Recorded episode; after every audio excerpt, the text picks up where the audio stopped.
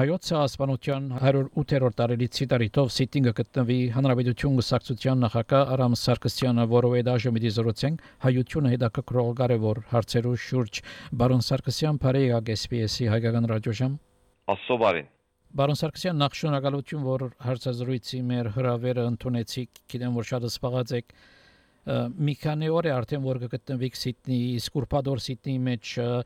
Փանախոսեցիք ցենարգիմ ընթացքին, որ գազམ་ագերբված էր սոցիալ-դեմոկրատ հնչագյան գուսակցության, Ռամգավար ազատական գուսակցության եւ հայական բարեգործական ընդհանուր միության կողմէ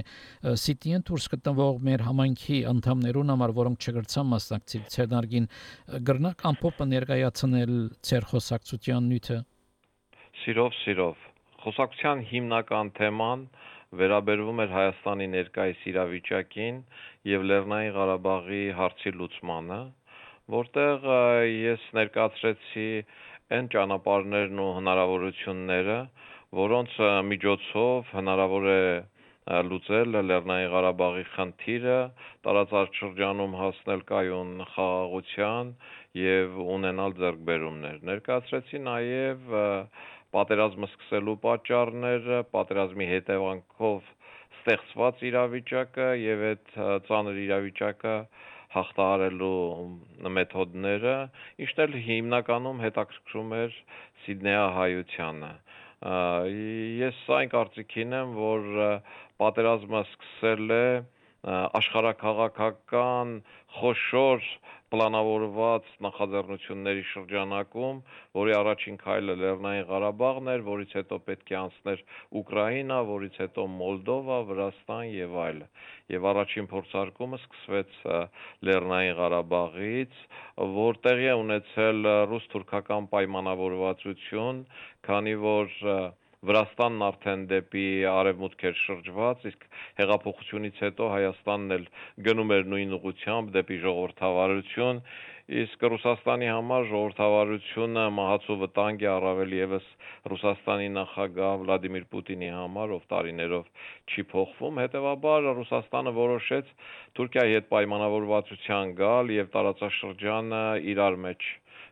կիսելու եւ այդ առումով Թուրքիան պիտի ստանար Սյունիքով միջանցք դեպի Լեռնային Ղարաբաղ, Ադրբեջանը պիտի սկսեր պատերազմը եւ պատերազմի արդյունքում պիտի ստանար Լեռնային Ղարաբաղը, իսկ Հայաստանը պիտի դառնար Ռուսաստանին կից միութենական պետություն կամ ինչ որ ավտոնոմ մարզ Թաթարստանի կարգավիճակով, ինչի մասով նաև Ռուսաստանից եկած տարբեր քաղաքական գործիչներ չէին բարձրաձայնում։ Այս պատերազմի արդյունքում Հայաստանը չդարձավ միութենական պետության մաս, չունեցավ Թաթարստանի կարգավիճակ, այլ ընդհակառակը այսօր Հայաստան են մտել Եվրոդիտորդները, Լեռնային Ղարաբաղը ամբողջությամբ չդարձավ Ադրբեջանինը, որովհետև ՄԱԿ-ի երկու բանաձևեր ունենք, ունենք նաև Հագայի դատարանի որոշումը այդ առումով, որոնք իրենց էությամբ հայանպաստ են, Թուրքիան էլ չստացավ այն միջանցքը, որով պիտի ինքը կապվեր Ադրբեջանի եւ մեծ թուրան ստեղծեր ու այս վերջին զարգացումները, ջղաձգումները չստացված արդյունքի հետևանք են, հետևաբար Ռուսաստանը, Թուրքիան եւ Ադրբեջանը գործում են համագործակցած եւ գործում են Հայաստանի դեմ ինչպես դուրս գալ այդ իրավիճակից, դուրս գալու համար պիտի ուսումնասիրվի աշխարհում նման խնդիրներ ունեցող երկրների փորձը եւ փորձենք այդ փորձը հաշվի առնելով գտնել Հայաստանի համար հարմար լուծումները։ Ներկա իրավիճակի պարագայում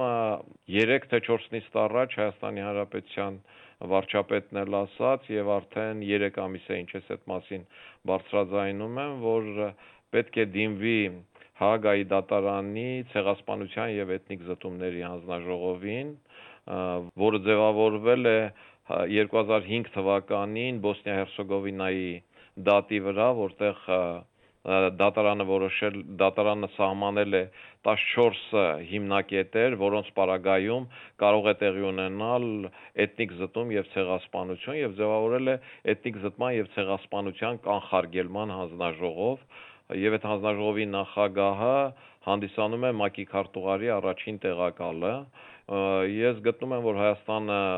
պետք է դիմի այդ հանձնաժողովին իրավաբանական առումով այդ 14 կետերի համապատասխանությունը Լեռնային Ղարաբաղում գոյություն ունի եւ իրավաբաններ այդ փաստաթուղթը պիտի կազմեն դիմեն հանձնաժողովին։ Հանձնաժողովը նման դիմումն ընդունելուց հետո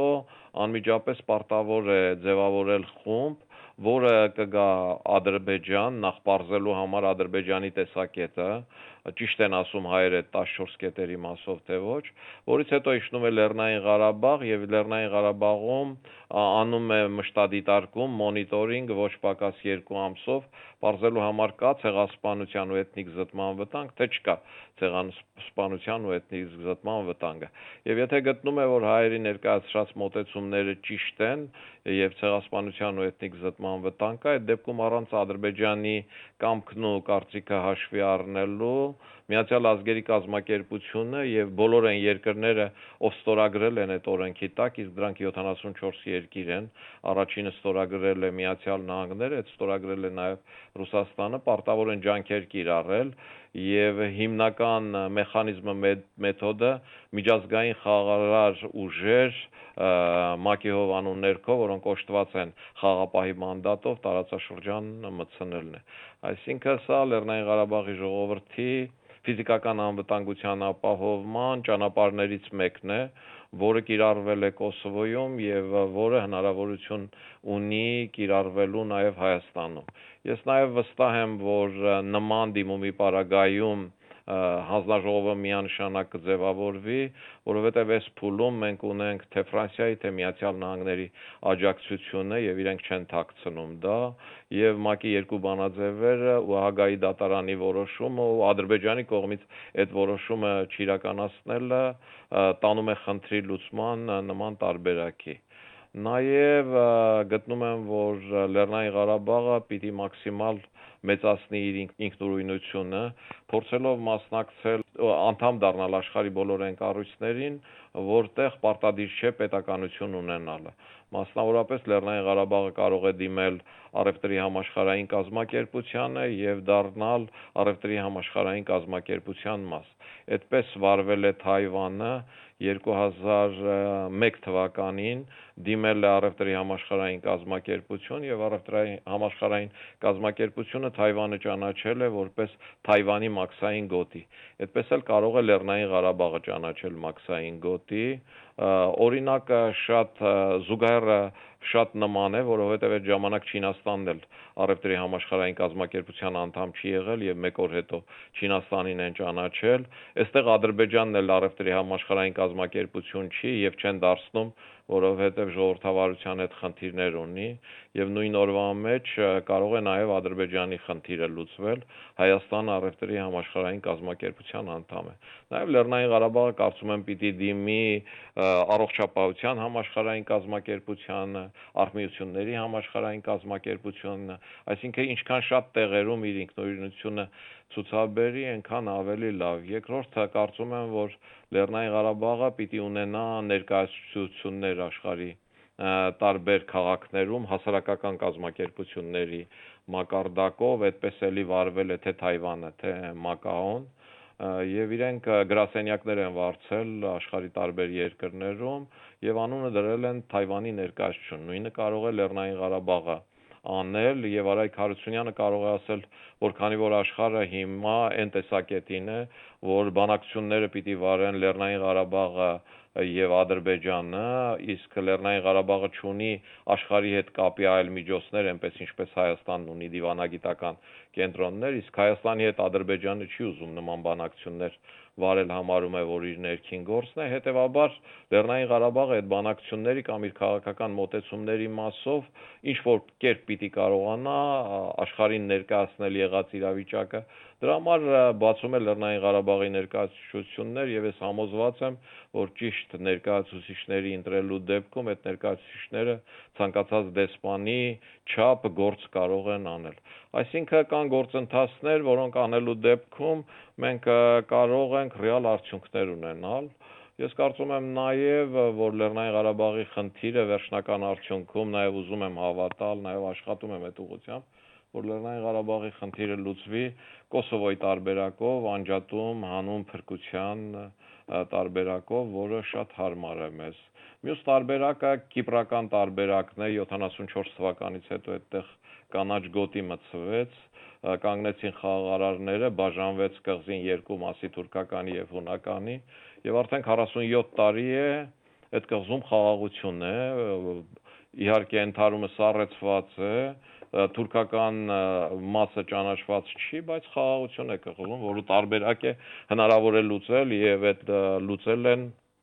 լուծել է արևմուտքը։ Մյուս խնդիրը, մյուս տարբերակը Կոսովոյի, Մակաոյի եւ Թայվանի տարբերակն է, որը չինացիները համարում են, որ իրենք են լուծել, արևմուտքը համարում է, որ իր առաջարկած տարբերակն է, բայց համենայն դեպս այս տարածքներում խնդիրները լուծված են եւ այդ երկրները բավականին լուրջ ինքնուրույնություն ունեն ու Թայվանի ինքնուրույնությունը Ճապոնիայի ինքնուրույնությունից տարբերվում է այնքանով, որ Թայվանը ՄԱԿ-ում չունի ներկայացուցիչ սա է ընդհանուր տարբերությունը այսինքն արևմուտքի կողմից կամ քաղաքակիրթ աշխարհի կողմից խնդիր նման Լեռնային Ղարաբաղի նման խնդիրների լուծման տարբերակները այս օրինակներում են։ Ռուսաստանի կողմից նման խնդիրների լուծման տարբերակներն են Աբխազիան, Օսետիան, Դոնբասը, Լուգանսկը, Ղրիմը, որոնց բոլորում լուրջ խնդիրներ կան, որոնք ընդհանուր առմամբ պատերազմական վտանգի մեջ են ու այդ պատերազմի վտանգը վերացած չի եւ տնտեսական առումով այդ երկրները ոչ ոչ միայն չունեն տնտեսական անկախություն ու շատ ծանր իրավիճակում են, այլև կախված են ու այդ կապիտալի իրենց երկրի ունեցած հարստությունը ամբողջությամբ հոսում է Մոսկվա։ Հետևաբար ես գտնում եմ, որ հստակ մեր երկիրը պիտի ուղղվածություն վերցնի դեպի արևմուտք Եվ այս տեսակետներն էր, որ ներկայացնում էի։ Իմ կարծիքով մեծամասնությունը այդ տեսակետների մեջ ճշմարտություն տեսավ։ Իհարկե մարդիկ կան, որոնք այլ կերպ են մտածում, ինչը շատ բնական է, ու ես չեմ համարում, որ ես ամենավերջին ճշմարտությունն եմ ասում, բայց ասածս տեսակետները, մոտեցումները, որով աշխարհն անցել է, այդ փորձն ունի ու այս ուղություններով մտածել է պետք եւ բնականաբար այս տեսակետները որպես քաղաքական անհատ ես ներկայացնում եմ Հայաստանի իշխանություններին, ներկայացնում եմ Հայաստանի հանրային դաշտում արդեն երևի 2003-4 թվականից այս մոտեցումները ես ներկայացնում եմ, սրանք Հայաստանի հանրության համար գաղտնիք չեն։ Կարճ այսքանը։ Բարոն Սարգսյան խոսեցաք ռուսական քաղաքականության մասին երկար դասամյակներով փորձառություն ունի հայական քաղաքական կյանքերս եւ եղած եք նաեւ Հայաստանի վարչապետ անկախութենին իդ ինչպես կկնահատեք ռուսաստանի քաղաքականությունը Հայաստանի նկատմամբ որոշ ժամանակ առաջ կխոսեի ռուսամետ հայրենագիցի մետ, որ քաղտած էր Հայաստանի Մելբուրն եւ իր անխախտ համոզում այն էր, որ մենք ոչինչ չենք առանց Ռուսաստանի, որքան տարածված է այս կարծիքը։ Գիտեք, այդ տեսակետը տարածում են այն մարդիկ, ովքեր մնացել են անցյալում, մնացել են 19-րդ դարի վերջին ու 20-րդ դարի կեսին, որ տարածաշրջանում եթե ռուսները չեն, ուրեմ թուրքերն են, ու եթե ռուսները չլինեն, ուրեմ թուրքերը կգրավեն ամբողջ Հայաստանը։ Այդ միանշանակ այդպես չի, աշխարհը փոխվել է, եւ Ռուսաստանն ու Թուրքիան էլ որոշել էին, որ այդպես պիտի լինի, տարածաշրջանը իրենք պիտի կիսեն եւ 20-20-ի պատերազմը դրա համար սկսեց, բայց Եվրոպան արևմուտքը ցույց տվեց, որ ինքը այս տարածաշրջանը շրջանում շահեր ունի, ինքը հետաքրքրված է այս տարածաշրջանով ու առանց իրեն որևէ խնդիր լուծել հնարավոր չի։ Ու դրա համար այսօր Հայաստանում եվրոպական դիտորդներ են կանգնած, ինչը շատ զայրացնում է ռուսներին, իրենք իրենց ամբողջ ելույթներում Մարիա Զախարովան իր ցանկացած ներկայացման ժամանակ փորձում է քննադատել այդ ու տարածաշրջանի անկայունությունը բացատրել դրանով, բայց իրենք ուզում էին, որ Հայաստանը Բելարուսի նման դառնա միութենական պետություն առանց անկախության, իրականում այդ չստացվեց եւ Հայաստանում այսօր եվրոդիտորդներ են եւ իրենք կանխատեսում են, որ հաջորդ քայլը արդեն լինելու են եվրոպական զինվորականներ, տաստված որ դա այդպես լինի Ռուսաստանը ընդհանուր առմամբ ոչինչ չարեց հայ ժողովրդի դրական վերաբերմունքը իր հանդեպ պահելու թե պատերազմի օրերին, թե պատերազմից հետո, թե ամսինի ստորագրված փաստաթղթում նշված կետերի առումով, թե Լաչինի միջանցքի առումով, թե Փարուխը Լեռնային Ղարաբաղում հասնելու խսնաբերթի առումով, հիմա էլ 3 օր շուտ այստեղ գյուղից դեպի Կորնիզոր գնացող ճանապարհին դուրս գալու այդ ռուսներին տալու Ռուսաստանը ամեն ինչում հարուսական շահ համընկնում է Ադրբեջանի եւ Թուրքիայի շահին եւ Ռուսաստանը շահագրգռված է Հայաստանով միջանց կտրել որpիսի պարսկական էներգոկիրները գազ, նավթ եւ Կատարի գազը, նավթը եւ Հնդկաստանից եկող բեռները, որոնք 220 միլիարդի են հասնում տարեկան շրջանառությունը դեպի Եվրոպա գնացող ճանապարհը փակ են որովհետև եթե պարսկական գազը մտնում է Եվրոպա, տարեկան 150 միլիարդ խորանարդ մետր, ու ռուսական գազը դուրս է գալիս Եվրոպայից, Ռուսաստանի տնտեսության վիճակը սոսկալի է լինում, եւ ամբողջ խնդիրը դրանում է ու 99 թվականի հոկտեմբերի 27-ն էլ այդ ենթատեքստում էր Մեղրի միջանցքին էր վերաբերվում, Մեղրին Լաչինով փոխելուն, Նժդեի ժամանակ Նժդեը Սյունիք գնաց, որովհետև մեծ թուրան էր ուզում Թուրքիան կառուցեր, ուզում էր այդ միջանցքը կտրեր, որպեսզի Ադրբեջանով, Կասպից ծովով գնար մինչև Միջինասիական հանրապետություններ, եւ 2020 թվականից մինչև 2022 թվականը Այդ չհաջողեց անել Թուրքիան ու Ադրբեջանը, ինչքան էլ հոխորտում էին, որ իրենք ուժով այդ կլուծեն, բայց ուժով այդ չլուծեցին, մի པարս պատճառով, ոչ թե նրա համար, որ հայկական զինուժը այդ արանքում այնքան ուժեղացավ կամ այնքան սպառազինություն բերեց, որ կարող էր լուրջ հակահարված տար թուրք-ադրբեջանական տանդեմին, այլ այն պատճառով, որ արևմուտքը հստակ ասաց, որ պատժամիջոցներ կկիրառի այդ դեպքում ու միանշանակ շատ խիստ պատժամիջոցներ, եւ եթե հիշում եք 2020 թվականի եւ 21 թվականի ամառվա ամիսները Միացյալ Նահանգների դեսպանը, նախկին դեսպանը, ում խորին շնորհակալություններս, իր ամառային հանգիստը անցկացնում էր այնտեղ հերթափոխով այնտեղ կանչելով եվրո դեսպաններին, այսինքն Այս առումով մենք ունենք առաջին հերթին Ֆրանսիայի աջակցությունը, Միացյալ Նահանգների աջակցությունը, ովքեր հակված են այդ գազամուղը կառուցելու, ովքեր հակված են այդ գազամուղից լուրջ ֆինանսական օգուտներ ունենալու, նաև այդտեղ քաղաքական շահերը շատ մեծ են, որովհետև իրենք են դառնում Եվրոպայի գազ մատակարարողը, իսկ դրա քաղաքական շահը շատ-շատ մեծ է, ու այս առումով արևմուտքը դրան դեմ է։ Նաև դրան դեմ էր Իրանը, դրա համար ռուս-թուրքական տանդեմը փորձեց ձևավորել 3+3 ձևաչափը, որում ելու չկար ոչ Միացյալ Նահանգները, ոչ Եվրոպան, բայց որում ներգրաված էր Հայաստան, Վրաստան, Ադրբեջան, Թուրքիա, Ռուսաստան, Իրան, Իրանը դեմ գնաց, որովհետև Իրանը ասաց, որ այդ ձևաչափով խնդրի, այդ ձևաչափում խնդրի լուծումը իրեն ընդունելի չի ու Հայաստանի հետ իր սահմանը իր համար կարմիր գիծ է, որ եթե այդ սահմանների փոփոխություն լինի,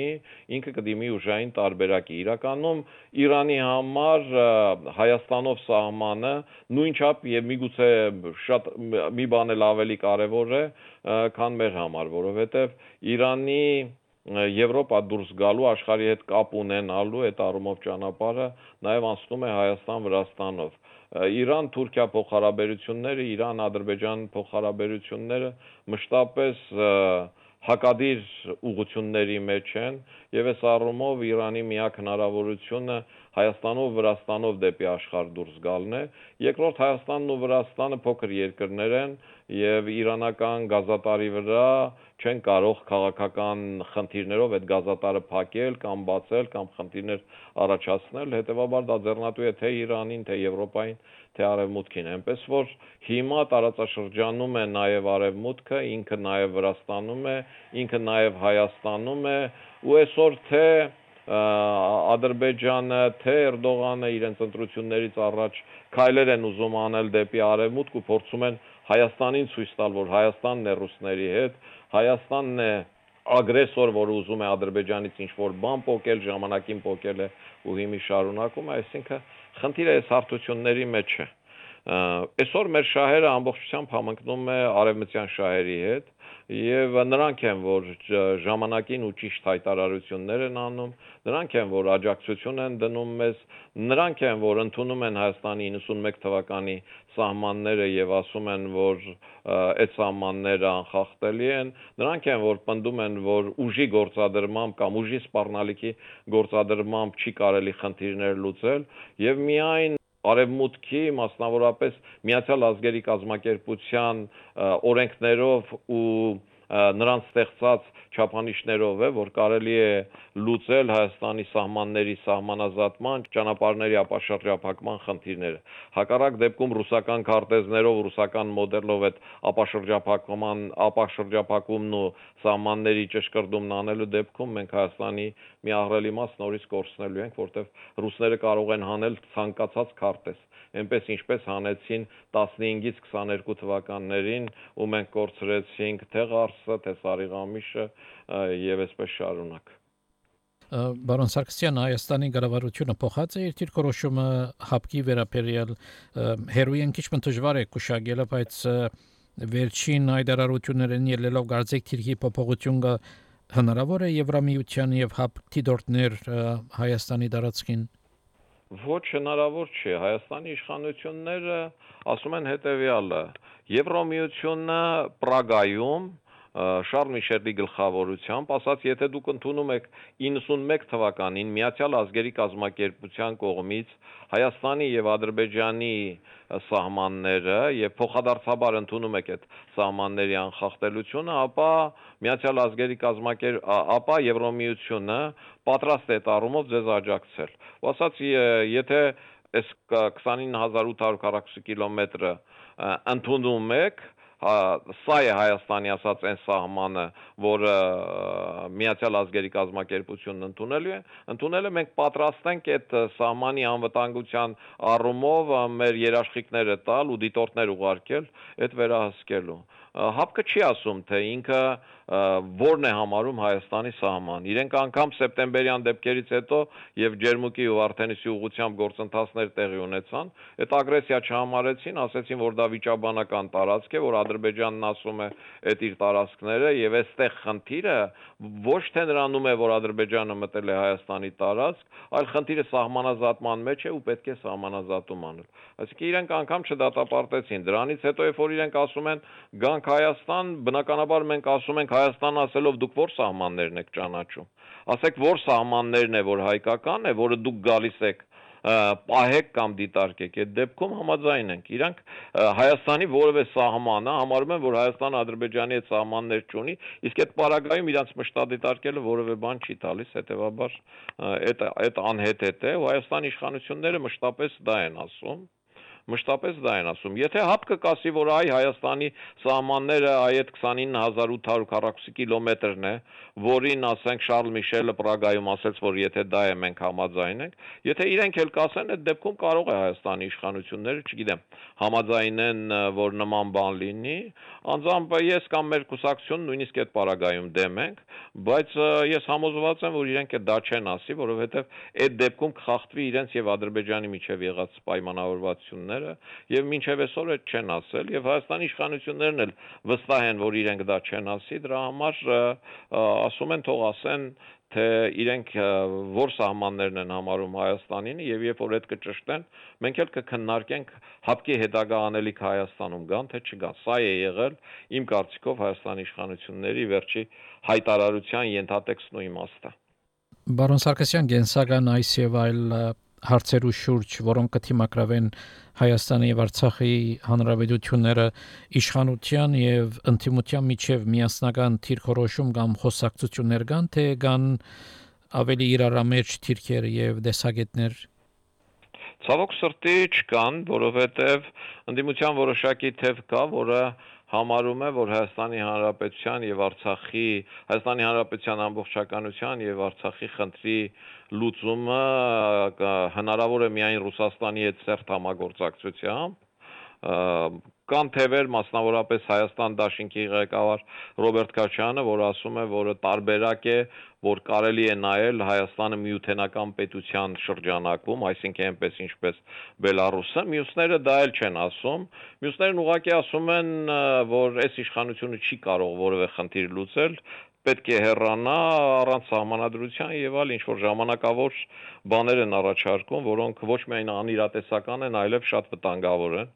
որովհետև աշխարհը մեծ դժվարության բազմաթիվ խնդիրներով հանդերձ օրինական ու լեգիտիմ իշխանությունների հետ շփումների առումով բավականին բարդություններ է ստեղծում, ելուր մնաց, որ հանդիպի ինչ որ ոչ լեգիտիմություն չունեցող ինչ որ խմբի կողմից ընտրված ինչ որ ժամանակավոր անձի հետ, այս ուղակի անհեթեթությունն է։ Այսինքն այն մարդիկ, ովքեր այսօր խորհրդարանում են ներկայացված, իրենք անդիմադիր ասելով ընդդիմություն ասել ասելով հասկանում են գործող իշխանության քննադատելով այդ իշխանապողությունը պահանջել իսկ թե հետագայում ինչ պիտի անեն իրենք այդ թեմայով չեն ասում ու այստեղ խնդիր կա բոլորս հասկանում ենք որ ադրբեջանի հետ մեր փոխհարաբերությունների լուծման հիմնական բանալին որ նման դեպքեր չլինեն Հայաստանի Հանրապետության բանակը տեխնիկապես վերազինելն է նոր ժամանակակից սպառազինություն առնել ելը, որովհետև նախորդ պատերազմում մենք հիմնականում պարտվեցինք ռուսական սպառազինության ունենալու պատճառով, որը շատ հին էր, հիմնականում չաշխատող եւ մենք կռվում էինք Ադրբեջանի, Թուրքիայի, Սիրիայից բերված վարձկանների դեմ եւ մեր ռազմավարական գործընկերն էլ ոչ միայն մեզ չէր աջակցում, այլև հոգեբանական եւ բազմաթիվ այլ մեթոդներով մեզ պարտադրում էր գնալ Լավրովի պլանին։ Հիմա եթե ուզում ենք, որ Ադրբեջանը չանի նման քայլեր, որտեղ մեր ռազմավարական գործընկերը նորից շարունակում է խրախուսել Ադրբեջանին, մենք պիտի սպառազինվենք։ Այս սպառազինությունն ինչն ունի Ռուսաստանը, արդեն 2020-ի պատերազմը ցույց տվեց, որ Ադրբեջանի դեմ չի աշխատում։ Հետևաբար մենք սպառազինություն պիտի գնենք ՆԱՏՕ-ից կամ ՆԱՏՕ-ի անդամ երկրներից ու բարեբախտաբար Հայաստանի իշխանությունները փորձում են այդ ուղղությամբ քայլեր անել Հայաստանի պաշտպանության նախարարը հանդիպում է Ֆրանսիայի պաշտպանության նախարարի հետ Գերմանիայի կանցլերի հետ է հանդիպում Հայաստանի Հանրապետության վարչապետը եւ գլխավոր շտաբի ներկայացուցիչները Հնդկաստանի հետ որոշակի հարցեր կան, որոնք լուծվում են եւ այս առումով հիմնական հանգամանքը նրանում է, որ ժողովրդավար իշխանությունների հետ արևմուտքը կամ քաղաքակիրթ Եվրոպան շատ ավելի հեշտ է շփվում, քան ասենք շփվեր Ռոբերտ Քոչարյանի կամ Սերժ Սարգսյանի հետ, որոնք խախտված ընտրություններով իշխանություն պահող մշտապես ոչ ժողովրդավարական մոտեցումներ ունեցող եւ Ռուսաստանի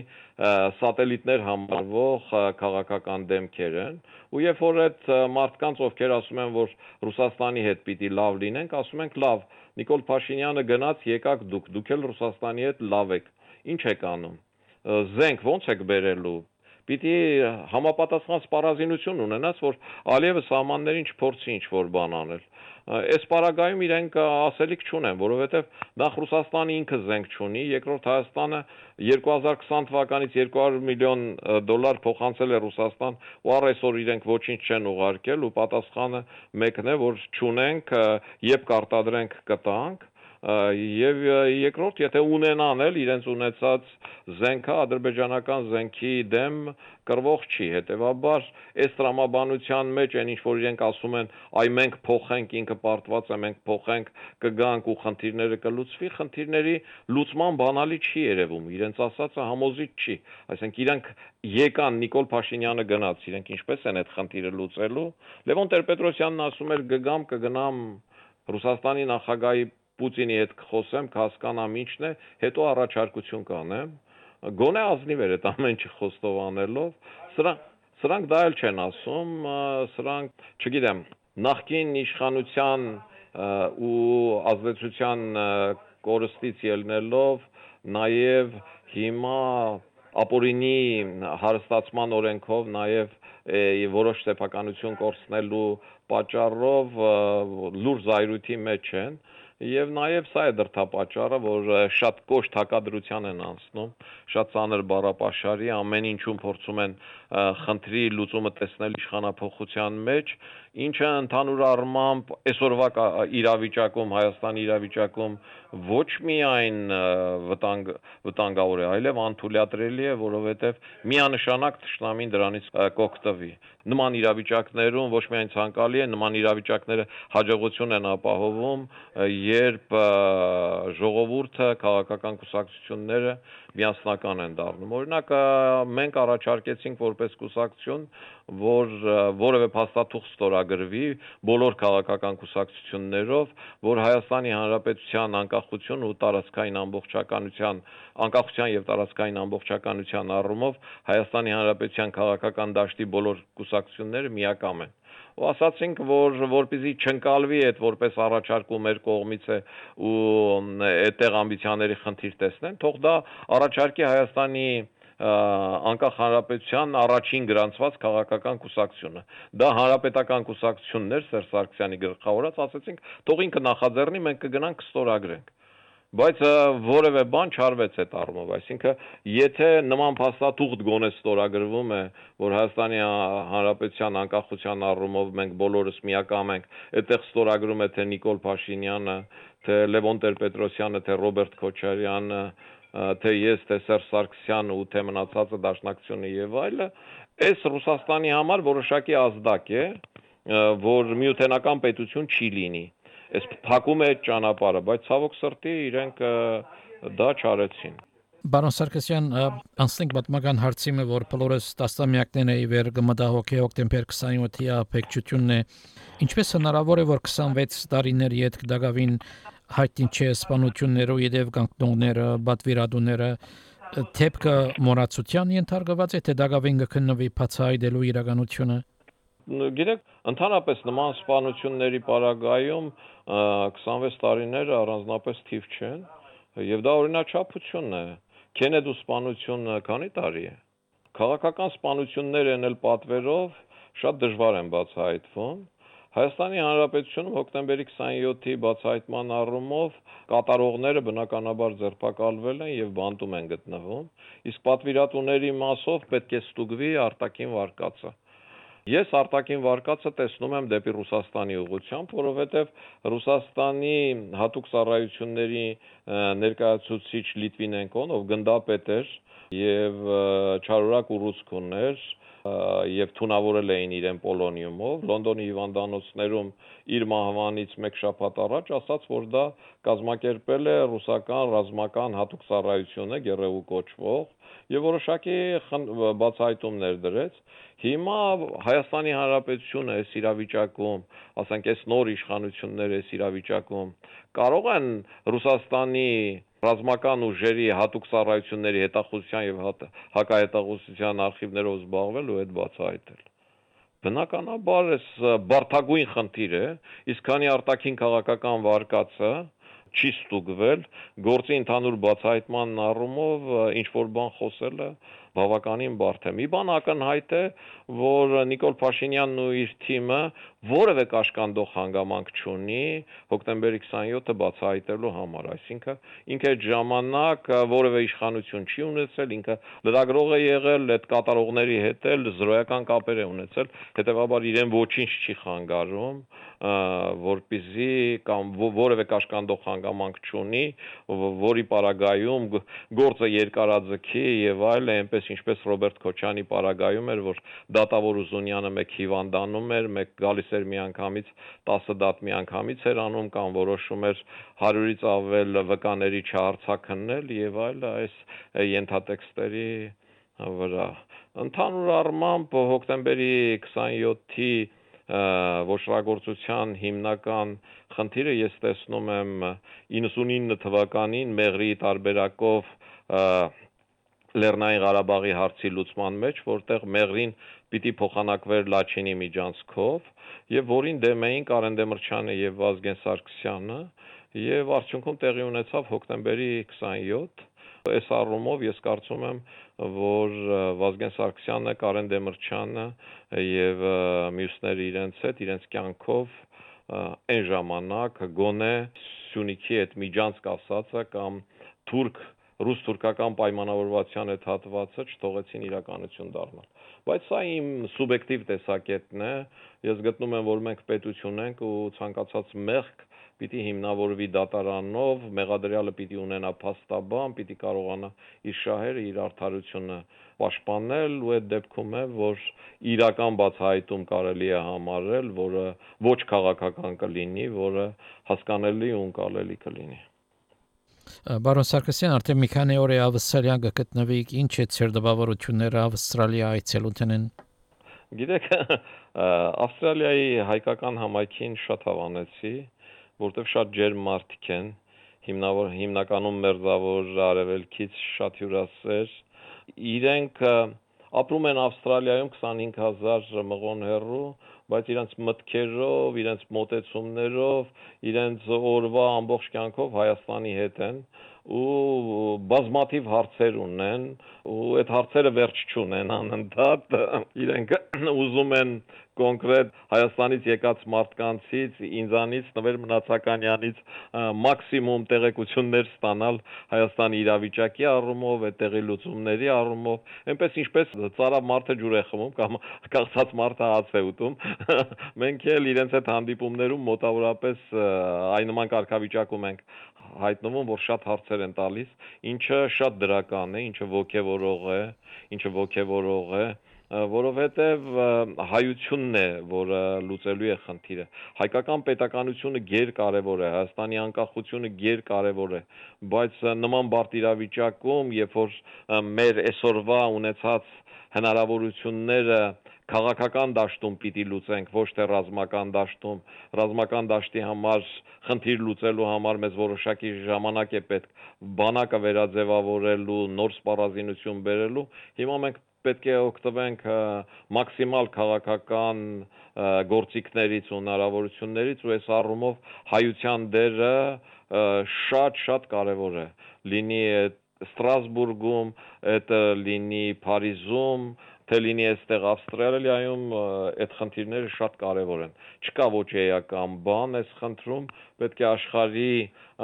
բոլոր անկյուններում հնարավոր մոտեցումներն ու իրավիճակը բացատրել, ասել թե մենք ինչ ենք ուզում, ինչ տարբերակներ կան դրան հասնելու եւ յուրաքանչյուր հայ մարդ այդ առումով քաղաքական առումով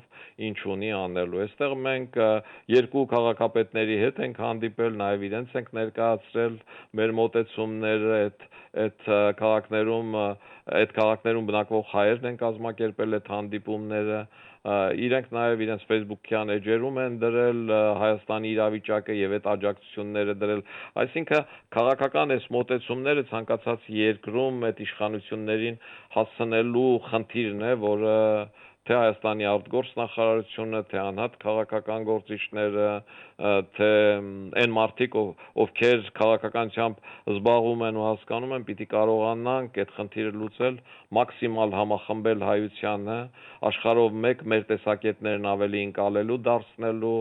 մեր առաջարկները ավելի արդար դարձնելու, հակառակորդին ընդհակառակը որպես ագրեսոր ներկայացնելու խնդիրներում Եա բարոն Սարգսյան շատ շնորհակալություն ձեր ժամանակին եւ հարցազրույցին համար շատ հաճելի էր ձեր հետ խոսիլը հուսամ գրգին արիթ կունենանք անցնաբես հանդիպելու եւ զրուցելու